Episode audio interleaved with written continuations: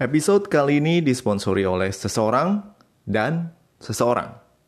Terima kasih untuk support dan kata-kata penyemangat kalian yang walaupun identitasnya tidak saya ketahui, semakin membuat saya bersemangat untuk melanjutkan podcast ini. Podcast ini ada karena support dari para penggemar dan jika Santuyers berkenan memberikan support, bisa ke laman traktir mitologi santuy yang tersedia di deskripsi episode. Hanya dengan 15 ribu saja, Anda sudah membuat saya semakin bersemangat dan sebagai tanda terima kasih, Anda bisa mendapatkan transkrip dari episode mitologi santuy yang bisa Anda baca. Seperti yang saya prediksi, saya akan semakin sibuk setelah menyandang gelar seorang bapak. Salah seorang supporter saya bahkan menyarankan saya untuk mengambil hiatus alias libur podcasting. Ini adalah nasihat yang sangat baik dan jujur aja saya sempat kepikiran untuk melakukan hal seperti ini. Karena beneran ribet banget ketika sudah menjadi seorang bapak dan waktu luang menjadi semakin sedikit. Jadi gue mesti cari-cari waktu untuk uh, you know mencari, membaca, menulis dan lain-lain. Tapi ketika gue ngelihat statistik podcast mitologi santuy, gue ngerasa kayak aduh gue pengen nggak nggak pengen banget kalau gue ngecewain orang. Karena belakangan ini banyak banget yang subscribe yang follow dan angkanya pun sekarang sudah di 2300an lalu gue mikir waduh gue kayaknya nggak nggak bisa deh kalau gue hiatus. Jadi gue putuskan gue akan lanjutkan sambil nyuri-nyuri waktu. Kebetulan sekarang gue ada waktu luang sedikit sehingga gue bisa melanjutkan cerita dari petualangan Theseus. Gue ngerasa gue gak bisa ngecewain pendengar yang begitu antusias untuk dengar cerita mitologi versi gue. Dan sekali lagi terima kasih untuk dukungan dan support kalian yang begitu menyemangati saya. Anyway, setelah entah berapa purnama dan berapa musim, akhirnya ada juga yang menanyakan pertanyaan ke email gue di gurukelana007 at gmail.com. Ada pembaca dan juga pendengar yang bernama Siahat Obernov yang bertanya tentang Nix, sang Dewi Malam. Bisa nggak request untuk episode khusus untuk Dewi ini? Hmm, sebenarnya sih gue pernah ngebahas sedikit tentang Nix ya sedikit doang di episode awal yang judulnya penciptaan dunia menurut mitologi Yunani. Dan sempat juga gue masukin postingan soal Nyx di Instagram mitologi santuy. Jujur aja nih, nggak banyak literatur yang gue temuin tentang Nyx. Sepengetahuan gue, Nyx itu adalah personifikasi dari kegelapan yang lahir dari chaos, yaitu kehampaan.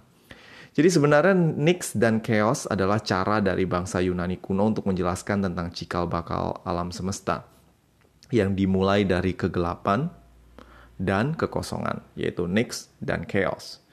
Jadi um, kalau kita bicara tentang penciptaan dunia, ada Chaos, ada Nyx, dan Erebus. Ketiganya ini disebut sebagai primordial gods atau dewa purba yang sebenarnya menurut uh, yang gue baca dan gue tafsirkan itu lebih mirip kayak unsur daripada dewa yang punya kehendak bebas kayak para titans atau dewa-dewi Olympus. Uh, ya gitu deh, yang setahu gue ya. Jadi uh, semoga bisa ngebantu Bro Siahat Obernov untuk paham tentang Nyx. Tapi kalau ada santuyers lain yang tahu lebih banyak tentang Nyx, boleh juga hubungi gue di email guru kelana 007.com atau langsung aja DM ke Instagram account mitologi santuy.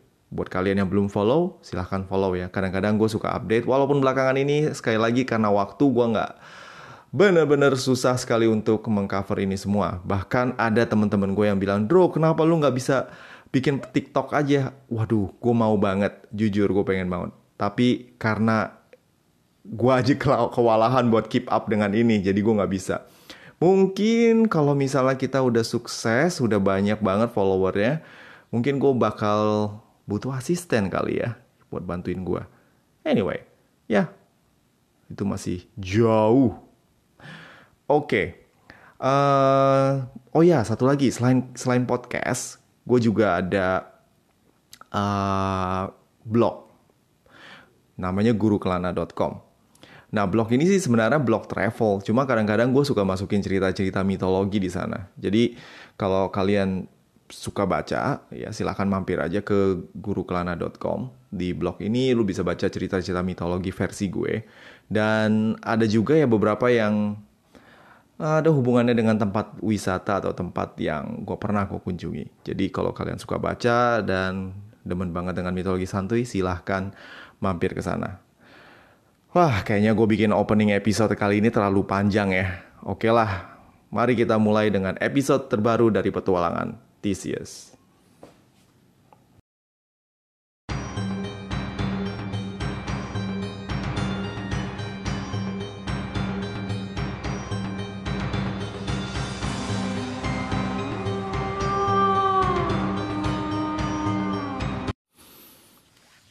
Kayaknya waktu gue SMP atau SMA, balik ketika internet itu belum begitu populer dan source of entertainment gue kayaknya baru komik dan buku dan juga TV. Beneran, orang dulu tuh masih nonton TV, you know, bukan Netflix dan lain-lain. So gue tuh suka nonton uh, WWE alias gulat di atas ring yang kayaknya sih lebih mirip acara tawuran atau sirkus menurut gue daripada acara uh, olahraga gulat yang bener. Jadi dulu tuh fun banget. Gue inget gue demen banget nonton acara ini sama sepupu-sepupu gue dan gue teriak-teriak nonton jagoan yang satu dengan yang lain berantem ya. Kadang ada satu karakter yang pakai baju renang ya kayak baju renang gitulah One Piece teriak-teriak ngebacot yang kata-katanya itu penuh dengan sensor Terus kemudian disambut bacotan balik karakter lain yang lebih mirip badut bertato daripada pergulat. Bacot ketemu bacot, ludah ketemu ludah. Tapi nggak disangka tiba-tiba dari arah ring yang lain seorang pegulat lain tiba-tiba datang dan langsung menghancurkan uh, moment. Dia langsung ngehajar si badut bertato dengan gerakan pitingan yang tak terduga. Ah, come on. Ini kayaknya cuma sandiwara deh gue waktu SMP pun nyadar kalau ini nggak beneran. Bukan berantem beneran ini cuma kayak emang ada settingan. Tapi gue demen aja gue tetap nonton. Karena menurut gue gulat itu keren.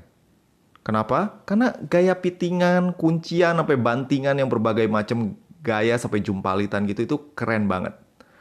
Olahraga yang sekarang populer dengan sebutan WWE atau R RAW atau whatever ini yang sekarang populer dan banyak banget aktor-aktor uh, aktor. Kok jadi aktor? Hmm. pegulat-pegulat yang dimulainya di ring ini sekarang menjadi aktor. Macam The Rock. You know Dwayne Johnson. Ya dia disebut The Rock bukan karena memang namanya baru lahir terus The Rock kejem banget bapaknya. Anyway dia namanya The Rock karena memang dia karakternya The Rock waktu di WWE dan dia tuh sekarang udah jadi aktor. Dan beberapa pegulat lain pun jadi aktor Nah, kenapa gue ngomong panjang lebar tentang gulat atau WWE atau RAW? Karena hari ini cerita kita akan ada hubungan dengan gulat. Nah, jagoan kita, Theseus, ya, sang pahlawan Trojan, ini secara umum dikenal sebagai salah satu pahlawan Yunani yang memperkenalkan pankration alias gulat ala Yunani. Jadi olahraga gulat ini nggak serta-merta nongol di ring dengan settingan sandiwara dan bacot ketemu bacot tersebut, enggak. Tapi olahraga ini udah dikenal dari berbagai bangsa. Salah satu bangsa tertua yang memperkenalkan tentang olahraga gulat ini ya Yunani. Dan Theseus dikatakan sebagai bapa pankration. Nah, pankration ini sebenarnya olahraga gulat ala Yunani yang rada brutal. Ya. Tinju ketemu tinju, pokoknya semuanya sah. Pitingan, bantingan, tendangan, semua free combat. Keren banget. Oke, mari kita lanjut dengan ceritanya. So, Theseus, usai kerja sampingan sebagai tukang pijit refleksi yang memakan korban, melanjutkan perjalanannya menuju Athena Sekarang Theseus sudah berada di Eleusis. Eleusis ini kota kecil yang terletak sekitar dua hari jalan kaki dari Athena. Eleusis ini dikenal sebagai sebuah kota di mana penyembahan Dewi Demeter, you know, Dewi roti dan juga segala hasil bumi itu, dan juga pemujaan kepada putrinya, Persephone yang biasa juga disebut dengan nama Kore alias virgin atau girl. Nah, Theseus yang murah hati dan taat pada para dewa, mampir dan memberikan sebagian harta jarahan yang dimilikinya kepada pendeta Demeter Eleusis. Ya kenapa enggak? Karena Theseus sudah berhasil mengambil begitu banyak harta dari para you know, begundal-begundal di jalanan yang sudah dikalahkannya.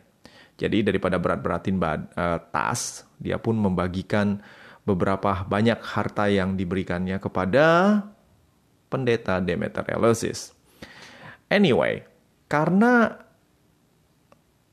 Theseus ini bukan orang sana dan dia itu bagi-bagi harta ke pendeta. Tingkah lakunya ini menarik perhatian dua sosok yang mencurigakan di sekitar kuil. Kabar kepahlawanan Theseus ini belum sampai ke kota Eleusis, sehingga nggak ada yang tahu kalau anak muda ini bukan orang sembarangan, apalagi bocah ingusan yang suka pamer harta. Theseus kemudian pergi dari kuil dan memutuskan untuk tidur di sebuah hutan yang teduh tak jauh dari kuil Eleusis. Berbekal pengalaman camping bersama bocah-bocah Trozen, Theseus membangun tenda sederhana dan api unggun untuk menghangatkan badannya di tengah dinginnya malam. Nah, si Theseus ini sengaja memilih tempat yang sepi dan jauh dari keramaian. Soalnya dia ngerasa kayaknya capek deh kalau tinggal di penginapan. Terakhir kali dia tinggal di penginapan, akhirnya dia malah disuruh berburu babi. Dan sekarang dia kepengen lonely, pengen sendirian, pengen tak ada orang membantu, dia mengganggu kok membantu. So, dia ngerasa baringan di tengah hutan, suara air mengalir, terus menghangatkan diri di dekat api unggun itu nyaman banget. Gak ada yang ganggu, terus juga adem. Theseus pun kemudian berbaring di tenda sederhananya dan terlelap tanpa menunggu lama. Namun, seperti yang gue bilang, yang namanya jagoan itu nggak akan pernah jauh dari gangguan. Sebuah logam dingin tiba-tiba menempel di lehernya. Dua sosok dengan pakaian gelap ala ninja Hattori telah membekuk sang pahlawan yang nyawanya belum juga balik setengah. Woi, apa nih? Ya kok ada pisau nih? Ada ya ya ya ada deh deh. Theseus yang belum sadar seutuhnya digiring keluar dari tenda. Sinar api unggun yang menyala-nyala membelai mata Theseus yang kemudian memperoleh kesadarannya. Sesosok pria tinggi besar dengan perut six pack, leher beton, bicep piston, dan tampang sangar macam Jason Statham nongol di hadapannya. Eh, siapa yang kasih lu izin bikin kemah di sini ya? Tanya sang pria sangar sambil memaki Theseus. Eh, em emang mesti izin siapa ini? Ini kan tengah hutan om. Tanya Theseus dengan polos. Hei, sialan. Berani-berani ya lu nanya balik. Lu kagak tahu kalau ini wilayah kerajaan gue. Gue Sersion, penguasa lembah dan hutan ini. Lu main kemah-kemahan di hutan gue tanpa izin, lu kira ini bumi pekemahan Cibubur apa? Hah? Ma maaf om, maaf. Saya, saya nggak tahu kalau ini wilayah kekuasaan om. Eh om, am, om, am, om. Lu kira gue nikah sama tante lu? Eh, ampun om eh Baginda uh, maaf itu itu tuh semua harta punya gue buat Baginda deh. Dah lucu nih anak. Kalau itu mah udah pasti gue ambil. Sekarang lu temenin gue latihan. Gue butuh sparing nih. Gue pengen berantem. Oi pengawal lepasin dia. Kedua sosok yang membekuk Theseus patuh pada perintah Sersion. Theseus pun kemudian terlepas dari ancaman belati tajam yang sedari tadi menempel di lehernya. Theseus belum pernah menghadapi lawan dengan fisik begitu prima sebelumnya. You know, like I said, Jason Statham dengan perut six pack, leher beton dan juga bicep piston. Namun sang pangeran Trozen yang telah melalui banyak pertempuran tidak menunjukkan rasa takut. Matanya tampak begitu bersemangat melihat tantangan dalam bentuk Mr. Muscle di hadapannya. Eh, coba lepas baju dan celana. Demikian kata Sersion. Hah? Ya om, kok jadi lepas baju dan celana? Katanya mau berantem. Kalau mau berantem, ya ayo aja kok pakai lepas baju celana segala. Tanya Theseus keheranan. Eh, biar adil dan tiada dusta di antara kita. Siapa tahu lu ngumpetin senjata di balik baju lu. Hah? Ucap sang raja pegulat sambil menunjuk Theseus. Theseus yang memang memiliki sebuah belati di balik ikat pinggangnya pun harus ikhlas melucuti semua helai pakaian yang dikenakannya. Oke, di sini gua agak stop dulu, ya. Jika kalian ngerasa kalau ini agak kok agak rada-rada uh, eh, PG-13 ya, agak-agak kok ngebahas tentang bugil-bugilan. Nah, kalau kalian ngerasa ini agak mengganggu, mungkin Anda bisa stop di sini. Tapi gue mau memberikan suatu pencerahan dulu sebelum kalian ngejudge gue bicara hal-hal yang telanjang. Nah, untuk olahraga di zaman Yunani kuno, hal telanjang itu adalah hal yang sangat-sangat lumrah jadi kalau lagi olahraga itu memang harus bugil. Di semua kompetisi mereka harus telanjang bulat tanpa mengenakan kain apa pun. Nyaris semua olahraga di olimpiade, olimpiade yang sekarang kita lakukan ini, di zaman dulu ketika di Yunani ya, semuanya itu telanjang, termasuk gulat. Oh iya, wanita itu nggak boleh nonton jadi olahraga dengan segala keterbukaannya adalah dunia pria. Sound sweaty, salty, ya gitu deh.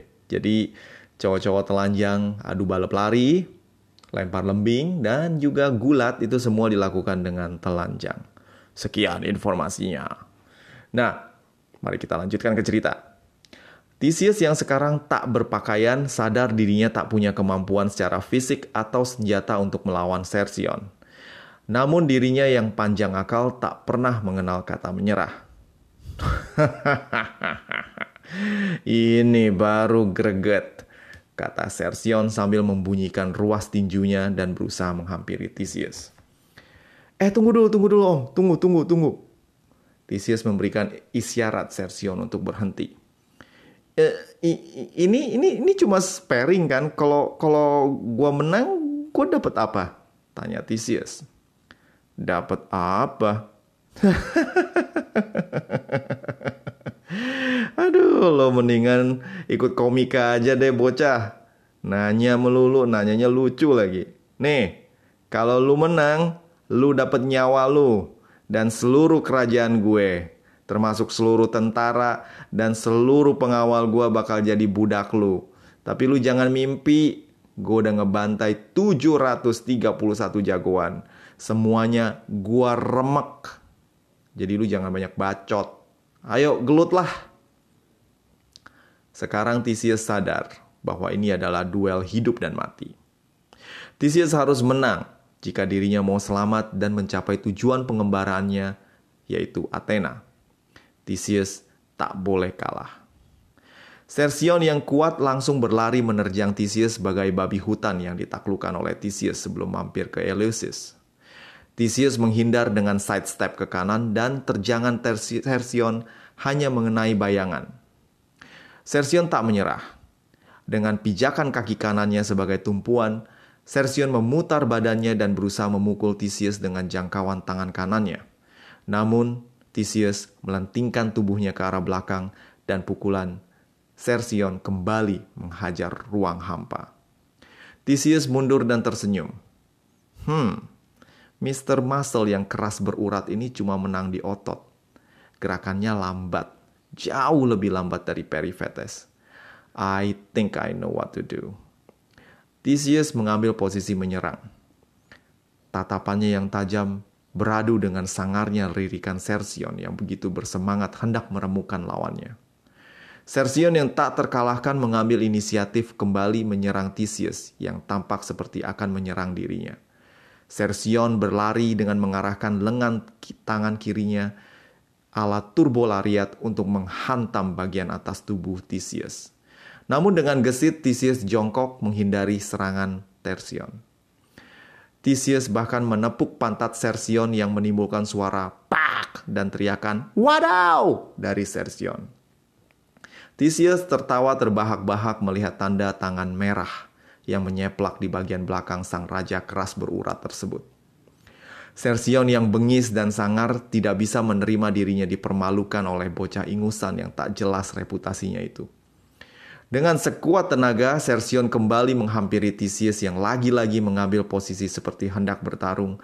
Namun kemudian ketika Sersion melancarkan serangannya, Theseus kembali menghindar dan sesekali melepaskan kepretan atau pukulan yang tidak melukai Sersion secara fisik namun lebih mengukai egonya. Pertarungan antara keduanya tampak seperti scenes Peter Parker melawan Thanos di Avengers Infinity Stones. Hanya saja, Sersion bukan Thanos yang cerdas dan punya kemampuan lain selain fisik yang prima. Eh, monyet.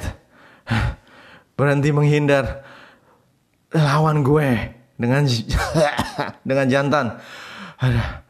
Sekali peluk gue remek lo, lo kayak kerupuk. Ucap Sersion yang emosi dan mulai engap akibat dikerjai habis-habisan oleh Theseus. Wow, sekali peluk langsung remek. Pantesan lu jomblo ya om. Ledek Theseus sambil mengawasi sang lawan yang tampak mulai kehabisan tenaga. Theseus tahu dirinya tak sekuat Hercules sepupunya dan melawan pertarung dengan fisik besar seperti Sersion itu tidak bisa dengan cara tinju tukar tinju, tapi harus dengan otak. Theseus terus memprovokasi Sersion dan membuatnya lelah dengan menghindari seluruh serangannya. Taktik sang pangeran Trozen berbuah manis. Serangan demi serangan Sersion mulai, mulai melemah dan lamban. Sersius bermandikan keringat dan nafasnya mulai engap-engapan macam habis dikejar satu OPP. Theseus pun tahu kini saatnya untuk menyerang. Oi om, udah kelar belum? Gue mau lanjut tidur nih. Udah ah, nggak seru. Ucap Theseus sambil mem berjalan membelakangi Sersion. Melihat Theseus berjalan pergi, Sersion mengamuk. Belum pernah dirinya dihina seperti ini. Sersion sontak berlari menuju Theseus dan berusaha untuk mencengkram leher Theseus. Namun Theseus bukan bocah ceroboh. Segala yang dilakukannya adalah bagian dari strategi untuk menaklukkan Sersion. Ketika tangan Sersion nyaris menggapai lehernya, Theseus menunduk dan kemudian ganti menarik tangan Sersion dan mengunci sendinya. Sersion yang terkejut kemudian berusaha melepaskan diri, namun kuncian Theseus begitu kuat. Theseus pun kemudian memutar tangan Sersion dan melepaskan sendi puncak Sersion. Sang Raja Gulat berteriak kesakitan, namun Theseus tak mau berhenti. Sersion menggunakan tangan kirinya untuk menghantam Theseus. Theseus menghindar dan melepaskan tangan kanan Sersion, namun kali ini Theseus mengincar kaki Sersion. Dengan sigap kaki kanan Theseus menyengkat kaki kanan Sersion dan serangan Theseus mengirim Sersion menghantam bumi dengan muka duluan. Theseus kemudian mengirimkan serangan susulan dengan melompat dan menerjang leher Sersion dengan sikunya. Dibantu gaya gravitasi, serangan Theseus ke leher Sersion terbukti mematikan dan sang raja petarung dari Eleusis tewas di tangan seorang bocah tak bernama. Baginda Raja, seru kedua pengawal Sersion.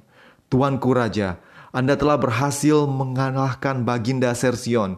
Sekarang Anda adalah penguasa kami dan kerajaan Sersion, kata salah satu pengawal berseragam ninja Hattori. Hah? Ah, nggak usah, nggak nggak. Kalian pulang aja, gue nggak tertarik jadi raja-rajaan, pulanglah dan hiduplah bebas. Pergi, pergi, pergi, pergi. Tapi Baginda, ah bawelah, pulang sana bawa itu jenazah si Sersion atau ap, apa tuh manusia keras berurat itu bawa, bawa pergi dah gue pengen tidur kata Theseus sambil mengenakan kembali pakaiannya usai telanjang bulat di tengah malam bergelut dengan Sersion. Sementara kedua pengawal itu pergi, Theseus segera berangkat pergi dari tempatnya berkemah. Dirinya tak ingin menimbulkan keramaian dan siapa yang tahu niat dari kedua pengawal barusan. Bisa-bisa mereka memanggil bala bantuan atau kembali dengan masa yang lebih besar untuk menjadikannya raja. Dalam temaram senja, Theseus pun kembali berangkat. Dan langkah demi langkah menghantarnya lebih dekat pada tujuannya, Athens. Anyway, bukan temaram senja, tapi fajar. Sorry. Kadang-kadang kalau terlalu excited sering salah. Oke, okay, apa yang akan terjadi dengan Theseus? Mari kita nantikan episode selanjutnya. Ciao!